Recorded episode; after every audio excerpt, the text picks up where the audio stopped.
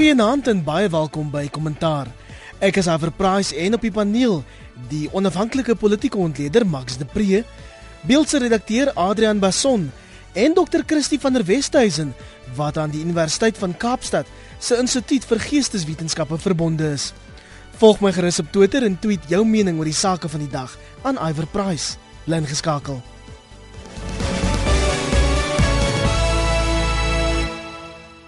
Kollegas, dit was 'n bedrywige nuusweek. Kom ons begin by die ANC se bloedneus nadat die Suid-Gautengse Hooggeregshof beslis het dat 'n SMS wat die DA uitgestuur het wel billik was. Al beskuldig hulle president Jacob Zuma van diefstal. En Max, ek wonder hoe jy daai uitspraak ervaar het.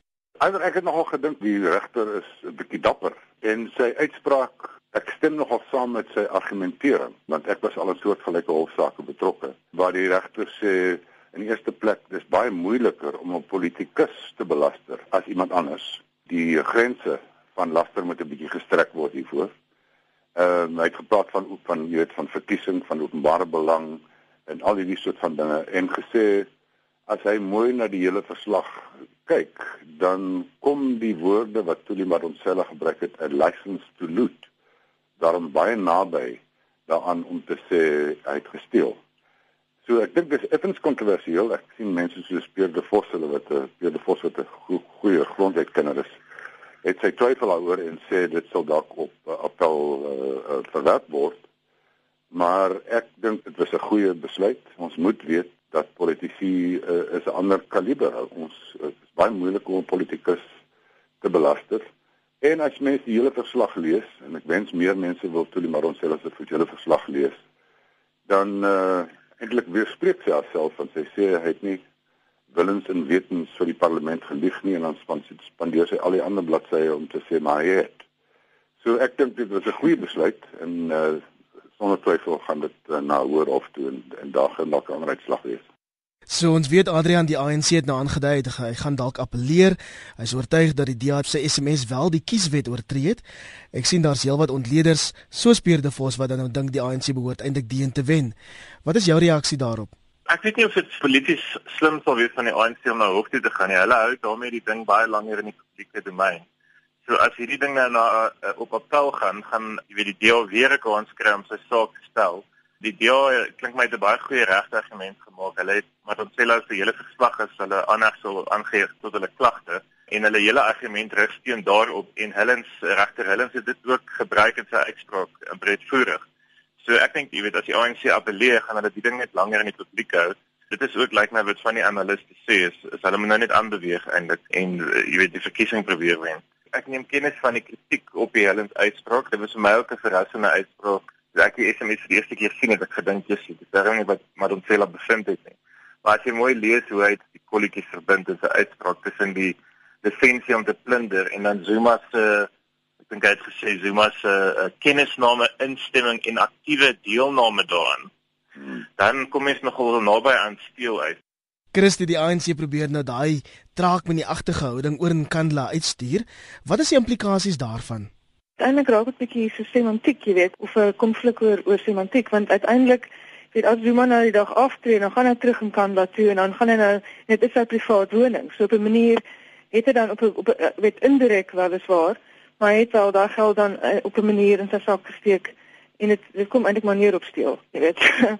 ja, nee, ek sien nie die ANC probeer dit 'n soort van 'n 'n 'n trok my nie agtige tipe houding in te slaan wat wat vir my neerkom op 'n soort van 'n ontkenning wat nogal 'n ou laai is van van politici dit stuur ook 'n boodskap uit aan hulle eie aanhangers en hulle eie ondersteuners dat daar 'n dominante lyn oor in Kandla en dat diegene wat wat ehm um, besorg is in Kandla is eintlik ehm um, 'n deel van hierdie hierdie ehm um, wit uh, oppositie en ek sien Pili Madonsela word nou ook half ingegooi daarbey.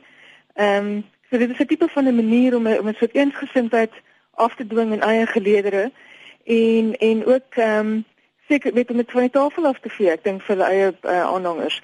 Maak maar raas het baie geleentheid gesê vir ek dink in die begin van hierdie week dat ehm um, hy het vrae gekry van ANC ondersteuners 'n geleentheid en een van die vrae het gaan oor in Kandla nie en hy het vir journaliste gesê nou sien julle hierdie saak is van geen belang vir vir mm -hmm. ANC ondersteuners en daar's eintlik baie belangriker kwessies daar buite. So dit is die soort boodskap wat hulle stuur na hulle na hulle ondersteuners En dit is dit is ehm um, dit is werklik 'n manier om eintlik jy jy boelie eintlik almal daarin om nou te sê nee, hier is eintlik net iets wat waar waar die wit oppositie besorg is.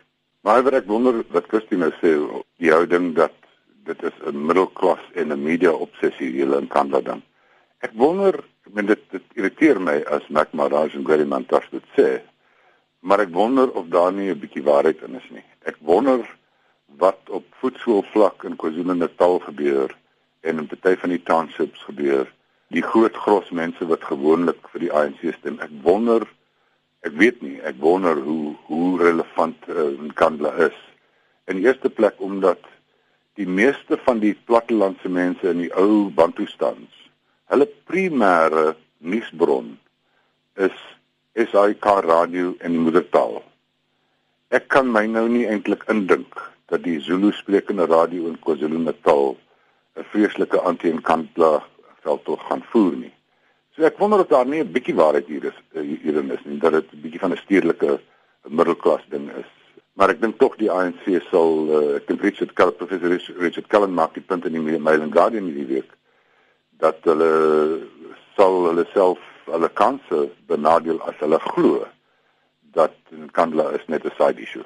Ek het al onderhoude op SAK radio gehoor van mense wat verskuif is sodat president Zuma daai paleis daar by Nkandla kon bou en een van die vroue dit het my stom geslaan sy het gesê maar is mos reg hy is dan die president hy verdien dit Adrian, dink jy ook dis 'n media obsessie? Ja, net 'n paar punt. Ek ben ek kan nie ek ben niemand ek weet nie een van ons kan met gesag sê jy weet plattelandse mense is is nie ontstel daaroor of stedelike mense. Die beste ervaring tot dusver daarvan was by die was by oud-president Mandela se se gedenkdiens Desember in die FNB stadion. Nou toegegee dit was dis waarskynlik 'n klomp gattingers vir dit bygewoon het maar daai tannie wat daar gesit het daarbo met die ANC teende en rompe wat vroegoggend daar aangekom het wat op die se Zuma geboe het. Ek was daar, ek het hulle gesien. Hulle kom nie uit Sandton of Randburg nie, hulle kom uit Alexandra en Orangefarm. En ons het daai dag geklomp verslaggewers in daai stadion ingestuur tussen die mense in om te vra hoekom hulle vir Zuma geboe het en al wat hulle gesê daai dag was in Kandland, Kandland, Kandland en Ethel so so laastens ook. Die waarheid is waarskynlik ergens in die middel. Ek dink daar is definitief swart ANC ondersteuners wat nie uh heel vierkante gaan in die middelklas definisie val nie wat wat ook ontstel is oor Nkandla.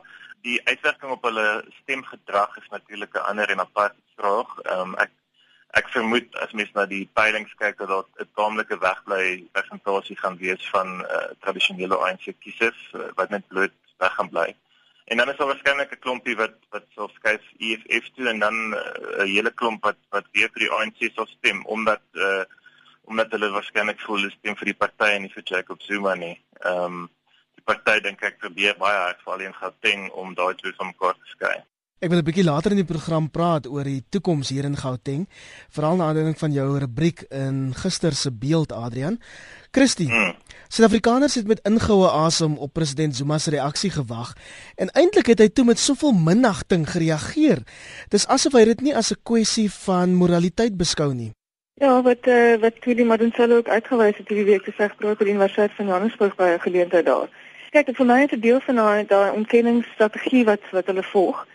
En hy het natuurlik nou daarmee geslaag om die hele ding uitgestel te kry tot na die verkiesing. So deur dan 'n serie spesiale ondersoekeenheid te verslag eers moet inkom. So en soos ons weet, is dit spesiale ondersoekeenheid baie meer regstreeks onder ehm um, politieke beheer as wat die openbare beskermer is. So hulle gaan waarskynlik ehm um, die eenheid gaan waarskynlik voor 'n dag kom met 'n verslag wat wat minstens twyfel gaan gaan gaan gaan saai oor uh, Madonsela se bevindinge. So dit is dis 'n baie weet ehm um, slim manier vir van van Zuma se kant af. En ehm um, ek dink um, net oor, oor Tuli Madonsela hierdie week. Ek dink sy het alself 'n bietjie in 'n sy sy plaas haarself 'n bietjie in 'n moeilike posisie want omdat sy eh uh, weet op hierdie en ons almal kyk na haar as 'n soort van die groot hoop vir demokrasie in Suid-Afrika. Jy weet wat baie druk op haar kantoorplaas. Sy kry vir baie ehm um, ook klagte as gevolg daarvan want mense voel, voel nou sy is die enigste regtig onafhanklik of sy sy sit in enigste kantoor wat werklik wel onafhanklik is in ons in ons demokrasie tans. Maar nou wat die wat sy loop die gevaar om om om die ding nogal te vir persoonlik want sy het nou hierdie week uh, ek dink sy's regtig gevra wat sou sy nou gedoen het as sy in, in Zuma se skoene was? En dit sou maar as sy nou in sy skoene was en sy sê nou dit gesien as 'n etiese kwessie en en sy sou ehm um, die geld terugbetaal het. So dit En en sy's reg natuurlik want daar is tipe van 'n uh, geskuilery agter wetmatigheid. Jy weet, so waar dan nou al voorgegee word nie ons nou die letter van die wet volg. Maar uiteindelik is dit natuurlik ook 'n groter kwessie van jy sit dan met jou eie persoonlike kliniek, kliniek, jy sit dan met 'n 'n 'n 'n swembad en 'n dit en 'n dat en 'n ensovoorts en in in te midde van ehm um, uiterse armoede daar in die in die KwaZulu-Natal se platteland. So dit is 'n etiese kwessie. Maar die maar ek dink Manuel loop nogal die gevaar om die ding te te vir persoonlik dit haarself te as as individu in in te bring en en sy maak haarself ook vir kritiek dat sy die onafhanklikheid eintlik van haar van die OB se kantoor bedreig op hierdie manier. So Max, om daarbey aan te sluit, Tuli Madonsela weet sy se media liefling. Dit moet nogal moeilik wees om 'n onafhanklike verhouding waarvan Christie praat te handhaaf wat die openbare beskermer veronderstel is om te hê. Ja, ek dink Christie het 'n punt weet dat sy loop 'n fyn lyn hier om die ding te verpersoonlik. Dit stel haar in eh, in die politieke situasiere. Ek sou ook haar aanraai om 'n bietjie stiller te wees en minder onderhoude toe te staan, maar ek dink sy moes baie gefrustreerd gewees het met president Zuma se reaksie teenoor die spreker van die parlement. En ek het hier met mense, 'n paar mense daarna gepraat wat sê, maar dit is tog 'n redelike ding wat hy doen. Hy sê, "Hoekom moet hy nou oor een verslag uh, reageer? Daar kom nog twee of daar is nog 'n ander een en dan daar kom nou nog een. Kan hy nie net maar net wag en almal saam hanteer nie?" En dit klink op die op die oppervlak uh, dit redelik is, maar die essensie van die van die saak is die openbare beskermer se verslag is die belangrikste. Die ander was 'n interne in ondersoek, die interministeriële ondersoek. En die ANC van die begin af probeer die twee gelykstel. En dan die ander een is van die onafhanklike eh, investigations unit ondersoek eenheid. Ehm um, en hulle ondersoek nie, hulle ondersoek korrupsie onder amptenare. So die die, die dis dis appels en pere wat hier vergelyk word die die die ding wat my interessant was is dat die aanvanklike reaksie het Makmaras en Guedemantas gesê uh toe die maar ons selfe verslag uitkom ag dit lyk eintlik maar mees min of meer soos die interministeriële interministeriële verslag en en Zuma se se antwoord aan die aan die speaker sê hy het in sy hele politieke lewe nog nie so groot verskil tussen twee verslae gesien hierdie anomalie wat hy noem so jy weet hier, hier word woorde beteken ook nou nie verskriklik meer baie in uh, in, in die ANC se se verdediging van 'n kant dan nie. Adrian, wil jy daarop reageer? Dit was eintlik verstommend om Zuma se reaksie te lees. Uh, Jy's ja, dit is die eerste ding wat my opgeval het. Uh, Max, jy sal onthou Jeff Radebe daai perskonferensie gehou die aand of gelei daai aand nadat Madonsela al verslag vrygestel het. Hy het in die middel gesit en daar was omtrent 20 kabinetsministers rondom hom. En hy het toe gesê spesifiek, ek onthou dit baie goed, hy het gesê, "Well, essentially these reports are the same. Um, ja. En uh, en 'n maand later sê Zuma het nog nooit twee verslae gesien wat veilig van mekaar verskil nie. Hy is natuurlik reg. Zuma is reg op hierdie een. Ja, Want um, maar dan sê hulle se verslag gaan baie verder um, en sy uh, sy het selfs die moeite gedoen om vir Zuma self 'n uh, uh, onderhoud mee te voer wat die staat se ondersoek nie gedoen het nie. Alhoewel ek dink um, die groot punt hierso is president Zuma probeer hierdie proses beheer uh, dis 'n proses waarby hy geïmpliseer is en dit is vir my die groot probleem hier.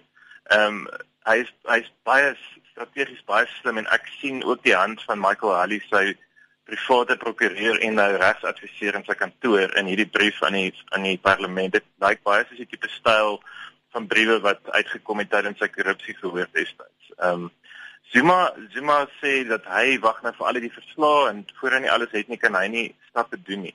Maar hy is dan geïmpliseer hierby. Maar dan sê hulle sê dan in 'n halfverslag hy die staatshoof het die grondwet oortree en die etiekwet van die land oortree en nie te vra wat gebeur rondom my nie wie betaal hy vir weet besluite geneem. Ehm um, sy private argitek het die hele proses gelei. Ek meen dit op sigself behoort 'n strafregtelike korrupsie ondersoek te regverdig. Ehm um, so ek is baie bekommerd daar en en maar ons sê hy het al lank terug gepraat oor hierdie ehm uh, hierdie hierdie hierdie swakpunt in die etiekwet wat nie voorsiening maak daarvoor dat wat gebeur as sy 'n bevinding teen die president maak. Mense sal mense dalk vergeet, maar hulle het al voorheen teen Zuma bevind kort nadat hy president geword het, het hy versuim om 1 jaar sy uh, belangeverklaring by die parlement op tyd in te dien. En sy het teen hom 'n bevinding gemaak en ons was toe in dieselfde posisie. Dit was nou nie so sensasioneel geweest as nou nie.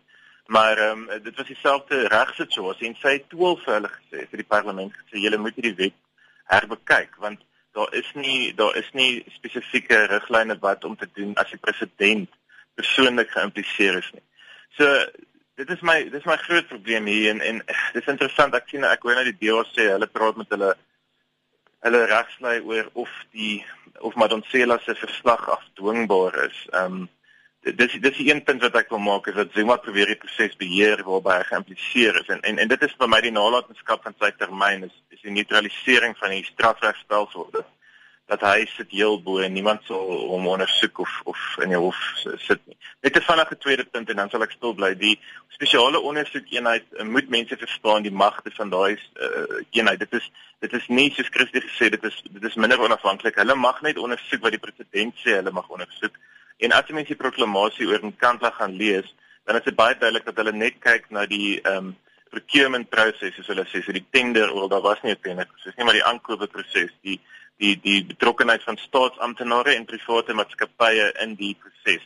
Uh, advokaat was sy nie die hoof van hierdie uh, eenheid het, het op radio hierdie week gesê dat hy nie vir Zuma ondersteun nie. Hy kan nie want dit is nie sy job nie en dit is nie sy magte nie. Ehm um, so enige uh, wensdenkery dat sy nie ook vir Zuma gaan impliseer moet moet onmiddellik gestaak word. Hy gaan bloot kan sê uh hier's 'n paar maatskappye, hulle het te veel gevra vir 'n vensterraam hier en 'n deeskraal stalpen daar en daar moet ons die geld nou terugkry en ons gaan dit siviele saak instel. Dis wat die SOE kan doen. Christie, wil jy daarop reageer? Ja, nee, ek ek, ek stem saam met Adrian. Ek dink dit is die, die spesiale ondersoekeenheid het ons as ons bietjie net dink aan die geskiedenis daarvan, dat ons destyds onder regter Willem Heath gewees. En uh, dis ingesluit destyds met die wapenpakket ondersoek wat 'n groot kontroversie en ongelukkigheid in die ANC veroorsaak het. Jy is sommer die ondersoekeenheid op daai staan onder Willem Heath ehm um, as 'n as 'n as 'n onafhanklike persoon nie nie deur die ANC beheer kon word nie en daar's te groot moeite gedoen om 'n ondersoekeenheid nou te plaas in die nasionale vervolgingsgesag en en ehm um, en destyds en en ook steeds vandag werk dit op 'n presidensiële proklamasie sodat daar's baie meer regstreekse beheer daaroor. Kollegas, as ons kan aanbeweeg tot ander nuus, Zwelin Wawi sê die uitspraak in die Suid-Gautengse Hooggeregshof die week het sy posisie as Kusatu se hoofsekretaris onderskryf. Maar Max, ek het 'n nare gevoel dat Wawie hierdie week, wel ons weet dit eintlik, maar net weer geskort sal word en die keer deur 'n stemproses. Ja, eintlik is dit seker 'n klein uh, morele oorwinning vir hom. Dit beteken nie hy gaan terug uh, terug gaan Kusatu toe en Kusatu gaan nou weer een wees as mense dit gedink het nie. Inteendeel, dit dryf die bug verder in en ek dink die amptelike skeuring van Kusatu wat eintlik al gebeur het, maar amptelik gaan dit nou gebeur. Ek vind dit interessant dat Wavi en Urban Jim die leier van die, die van NUMSA die National Union of Metal Workers of South Africa dat hulle so laat gekom het want hulle het mos gesien hierdie ding kom. So laat gesit en wag het vir die breekspel want hulle gaan nou hulle politieke party eers na die verkiesing uh, stig. Aan die ander woorde die eerste keer wat hulle die die uh, die mag wil uitdaag is in 2019. En dit is 'n uh, eh, in my in my ontleding is dit 'n gaan dit 'n meer wesenlike party wees as die uh, ekonomiese vryheidsvegters want dit gaan 'n werklike sosialistiese werkersparty wees aan die links aan die linkerkant van die ANC terwyl die vryheid die ekonomiese vryheidsvegters is nie 'n linkse party nie dis 'n verregse party dis net 'n anti-kapitalistiese party hulle hou van staatskapitalisme. Hulle is soos die ou Oswald Brandwag was uh, en en dit is glad nie ek meen hulle is, is 'n baie reaksionêre nasionalistiese kru fasistiese party. Terwyl Wavi en Numsa 'n uh, goeie organisasie het uh, bewese rekords het uh, en dit is vir my al jammer ons kon nie hulle mag hulle hulle ondersteuning nou toets in 2014 nie. So ons wag nog vir 5 jaar is dit wat ons sê Adrian? Ek wonder tog Adam Willem Dima Wavi dink ek nog altyd het politieke ambisies en ek wonder of hy nie dalk nog net vir rukkie wil kyk of hulle nie eerder die ANC kan oorneem van binne af nie daai ou storie wat ons al hoor van Polokwane af nie. Jy weet as dan nou as dit waar is dat president Zuma nog net vir 2 of so jaar in die stoel gaan wees en nou dan een of ander um, jy weet mooi uh, afskeid van hom geneem gaan word hy gaan aftree en dan kan hulle rustig verder bly en sy familie kyk en so. As dit die geval is dink hulle dalk wel hulle hulle het nog 'n kans uh, jy weet om die ANC oor te neem alhoewel ek dink dit dit raak wel 'n skraal. Ehm um, maar ja, dit gaan baie interessant wees uh, om te sien uh jy weet hoe so werkerspartye sal lyk like, en wie daarvan deel sal wees. Ehm um, AMKU is vir my die interessante party want ek meen AMKU is nie deel van Kusatu nie. Uh Anko het 'n tamelike militante aanslag, meer as die Kusatu uh, vakbonde. Ek het nou hierdie week uh, hulle hier betoog in in um, Maris Arch hier in Sandton en dit is in die Grand Suite in die kantoor het hulle uh, by Lonmin se kantoor betoog oor hierdie platinum staking wat al vir maande aangaan van Januarie wat 'n groot krisis is hier in Noordwes. Ehm um, en uh, en Joseph Makunzo die leier van AMKU het daar baie militante dinge gesê, jy weet hy hy's nog ons uh, hy, hy, hy klink bietjie meer soos Malema as wie. So ek wonder waar dit sal hulle gaan want hulle hulle bring duisende werkers, hulle het baie goed gedoen om om om duisende werkers in die platinum belt as die te werf. Uh, maar Nimsa is groot natuurlik en as Nimsa en AMKU saamwerk dan is dit 'n baie magtige um, blok van uh, werkers. Ehm um, ek dink ek dink uh, raak saam met Max stem as ek dink waar wie het politieke ambisie. Ek dink hy uh, hy en Nimsa wag nou om amptelik hierdie week uit Kusatu geskoot te word. Uh, en dan sal ons waarskynlik iets sien. Die vraag is of hulle iets gaan sê voor die verkiesing, soos byvoorbeeld stem vir party ABC. Christy, dink jy dit gaan al die ANC op 7 Mei seermaak of nie? Nee, nie noodwendig regtig op hierdie stadium nie, want die ding is die soos ons gesien het met met kiesers en veral ANC kiesers is uh, daar's 'n groot mate van besluitloosheid voor verkiesings omdat hulle in die algemeen vir al die laaste verkiesings weet uh, uiters leegstel is in hulle party.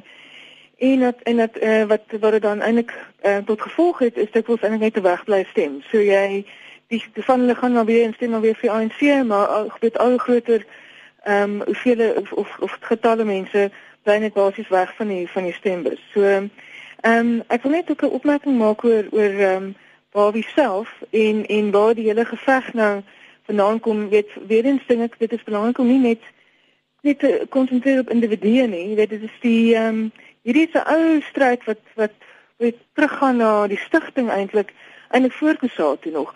Ehm um, met met die die die, die vakbonde tot stand gekom het in in Suid-Afrika, swart vakbonde.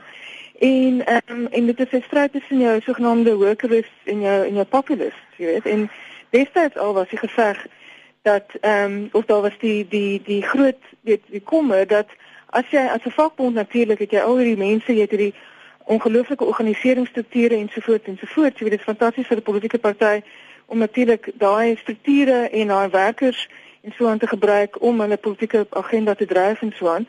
So die die die debat sien is nog altyd dat ehm um, dat weet die werkers nie hulle self net basies beskikbaar stel vir 'n politieke party, weet in in 'n organiseringsstrukture beskikbaar stel nie. Weet hulle moet uh, anders te kry hulle 'n situasie waar hulle basies onderhewig is aan die aan die party se agenda en hulle eie belange as werkers word weet bly agterweë. En ek sien dit ek dink dit is absoluut wat gebeur het natuurlik met werkers ehm um, in hierdie ANC in die alliansie met die ANC. So so die breekspel wat ons nou het is eintlik in 'n groot mate daaroor. So ek ek ehm um, ek dink in terme van wat Adrian gesê het, as hulle nie kan beheer neem oor die ANC nie, het hulle eintlik nie 'n keuse weet as om weg te breek basies nie, om sodat werkers basies hulle eie politieke agenda onafhanklik kan bedryf. Max, die laaste woord oor die onderwerp behoort aan jou. Ja, daar is natuurlik op die oomblik 'n gevaar dat AMKU weer van sy lede gaan verloor terug na die nasionale unie van mynwerkers toe want ek dink hulle oorspeel hulle aan dalk 'n klein bietjie Min mense het 'n idee van hoeveel mense, hoeveel families swaar kry met hierdie eh, platinum staking. Die werkers het al etlike miljarde rande verloor aan in inkomste, want die staking gaan nou al dink 50 dae se kant toe. En hulle hou hou aan hulle betaal 1500 rand 'n maand en die mense ons dan ons toemaak. En daar is die myn self sê hulle het 'n SMS uh, uh, toets gedoen onder hulle lede, onder hulle werkers en 67% van AMKU se lede sê hulle wil terugkom werk toe hulle dit kos nie. So hier is 'n kans dat die dat AMKU se hand gaan oorspeel. Daar's al klare bietjie ontevredenheid oor Mthunzwa wat toe hy begin het het hy gekla Frans Maleni van NEM ry met 'n 'n miljoen rand se BMW en nou ry hy met een. Jy weet so die persoon kan nog uh, homself herhaal. Kollegas, as ons kan aanbeweeg tot nuus uit die buiteland, Ethiopië het die jongste Afrika land geword om homofobiese wetgewing te aanvaar, en dit terwyl die vervolging van pro-gay aktiviste in Uganda versterk. Christie, en dit alles terwyl Suid-Afrika stil bly. Ja, kyk, eh uh, ja, in Ethiopië het hulle nou 'n uh, um, wet aanvaar wat dit onmoontlik maak vir die president om iemand te begenadig wat van homoseksualiteit of terrorisme skuldig bevind is. Dit is van nogal interessant die twee tredings wat so naas mekaar gestel word. Ehm um, weet daar op die op die boeke is jy jy, jy word 15 jaar tronkstraf opgelê as jy skuldig bevind word van van uh, aan aan homoseksualiteit. So so dit is die jongste ehm um, land wat nou volg daar. Ehm um, en in Uganda self ehm um, ek het 'n hele druk geleer het ek onderhoud gedoen met ehm um, 'n Afrikaanse biskop daar wat afgetree is. Hy is 82 jaar oud, sy naam is Christopher Nonjo. En hy weet weet hy is nou bekend oor die jare as iemand wat 'n 'n pro-gay aktivis is, hoewel hy self gay nie. Maar hy het hy het sy basis sy kerk beskikbaar gestel en hy het ehm um, ondersteuning verleen aan aan gays en lesbiennes in Uganda. En vir sy moeite is hy nou basis van sy afskeide beroof en hy lewe nou in armoede. Jy weet, so jy jy daai soort tipe vervolging wat ook gebeur, so sien net in terme van die wet self nie, maar 'n soort van 'n ehm um, 'n informele soort vervolging van mense wat plaasvind in daardie lande. En dit is vir my interessant natuurlik om nou die teenstelling te sien in ons eie land, net hierdie week Dalion Polfu wat die premierskandidaat is vir die EFF wat gesê het dat die EFF uh, omhels met guys and lesbians en guys and lesbians. Hulle voel dit is nie dit is nie 'n uh, un-African ding om om homoseksueel te wees. Jy weet so daar's 'n interessante teenstelling. En natuurlik met die ehm um, ek stem saam met wat Max vroeër gesê het, weet die EFF sommige joernaliste sien nasionalisering en dan in hulle koppe dink hulle kommunisme, jy weet, en dan dink hulle nou links. Maar om daar te alles in die EFF se diskurs daarop dat dit 'n verregse party is, soos wat Max sê, en dat hulle hulle is wel antikapitalisties. Maar I mean 'n 'n breedeke akkurate term om dit te beskryf sou wees nasionaal sosialisties, wat eintlik dis dis die nasies was basies. So dit is dieselfde soort ehm um, ehm um, vorm van beleid as jy kyk na die kombinasie van rasse retoriek en dan en dan uh, staatskapitalisme en so aan.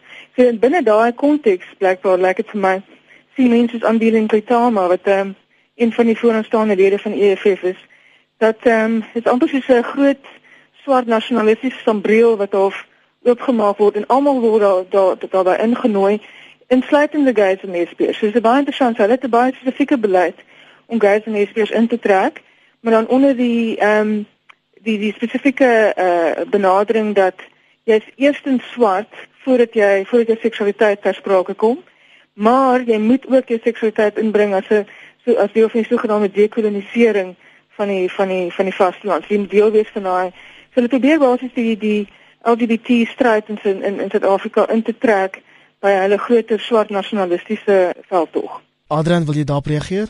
Ja, dit is interessant. Mpofu, ek het ek het 'n week gelede wat ek saam met hom op 'n paneel gewees. Ek moet sê hy was nogal indrukwekkend. Hy uh, jy weet hy hy het vroeg gesien met die ANC se teenwoordiger op die paneel. Uh, en dis nogal vreemd te doen dis die man wat 'n paar maande gelede of 'n paar jaar gelede nog die die SAIK se uitvoerende hoof was. Hy sit nou daar met 'n rooi berei op sy kop en hy lyk soos 'n studente aktivis. Ek dink die EFF eh, e ek ek sal baie interessant wees om te sien wat hulle doen. Dit is reg vir my een van die opwindendste goed in hierdie verkiesing is om te kyk hoeveel steun hulle kry want niemand kan spesifiek sê jy weet is dit nou 3% of is dit nou 10% of ergens tussenin nie. Ehm um, en en ek meen hulle is uh, hulle is baie populisties, maar hulle doen goed. Ek dink hulle uh, trek 'n groot groep uh, interessante kiesers aan. Ek sien net vanoggend City Press het 'n interessante hoek gevat op die EFF en ek het dit al 'n rukkie hier in Johannesburg gesien dat hulle uh hierdie soort van swart uh, uh jong middelklas outjies wat die die cool kids wat die in Braamfontein vir kroon so uithang. Hulle is almal EFF, jy weet, daai daai reddery is amper 'n 'n 'n fashion statement 'n mode jy weet uh, aandui so um, ek dink uh, hulle ondersteuning kom uit verskillende plekke. Dit kom waarskynlik uit uh, die armste van die armes jy weet die uh, jy weet die platinum belt waar waar uh, Malema Thomas gewild was uh, jy weet van hierdie townships um, op die Wesrand waar uh, waar die ANC weggejaag word. En dan uit die soos van Jappie Kroe van Draamfontein so ehm um, dit is 'n dis 'n interessante party en uh, ek dink hulle gaan dalk 'n kingmaker rol self kan speel hierso in Gauteng either as ek vanaand iets daaroor kan sê. Ek dink um, as as dit waar is dat die ek meen die ANC se eie navorsing wys hulle gaan sukkel om 50% hier te kry in Gauteng, dan gaan hulle 'n interessante situasie hê waar die ANC moet moet saam met die EFF of of die DA werk om te regeer. Ja, en jy het jou rubriek gister daaroor geskryf. Wil jy bietjie daarop uitbrei oor hy oor hy scenario waar jy gesê het dat die DA en die ANC basies in Gauteng moet saamwerk en jy het in jou rubriek die DA-ANC genoem. Ek het gekyk na die verskillende scenario's wat kan uitspeel uh na die na 7 Mei in Gauteng as die ANC nie 50 kry nie. Nou dis natuurlik, ek meen dis vertrekpunt van die argument. So as die ANC bo 50 kry dan val dit plat. Maar da, maar daar is, ek meen die die die City Press het drie weke terug berig dat die ANC 3 3 navorsingsstudies in die ANC het reeds gewys hulle gaan nie rondom 45% kry. Ehm um, dan gaan hulle iemand nodig hê om mee te regeer. So dan jy basies drie opsies. Die eerste is ehm um, dat al die oppositiepartye almal wat die 5 res van die 55% gekry het saamwerk. En dit gaan totale chaos wees. Jy kan imagine jy kan verbeel die DA, die EFF, die ACD by die Vryheidsfront met hulle twee outies ehm um, almal met nou met tafel sit en saamstem oor elke beleidstuk en gaan ding. Dit gaan nie ek dink dit het die potensiaal om die provinsie self te verlam. 'n Tweede opsie is is dat die ANC saam met die EFF werk, maar dit sal vir die ANC baie moeilik wees. Ehm um, die ANC in in in die die EFF ehm um, sit nie om dieselfde vuur nie. Soos jy weet, is die EFF maar eintlik Julius Malema ehm um, wat uh, uit die ANC geskop is uh, oor sy oppositie tot Jacob Zuma. Uh, die tweede probleem wat die ANC dink ek gaan hê in so 'n verhouding is dat die EFF uh, sy punt vlei stewig sal wil uit en byvoorbeeld uh, wil hê dat Italië vol vir die premier word van Gauteng.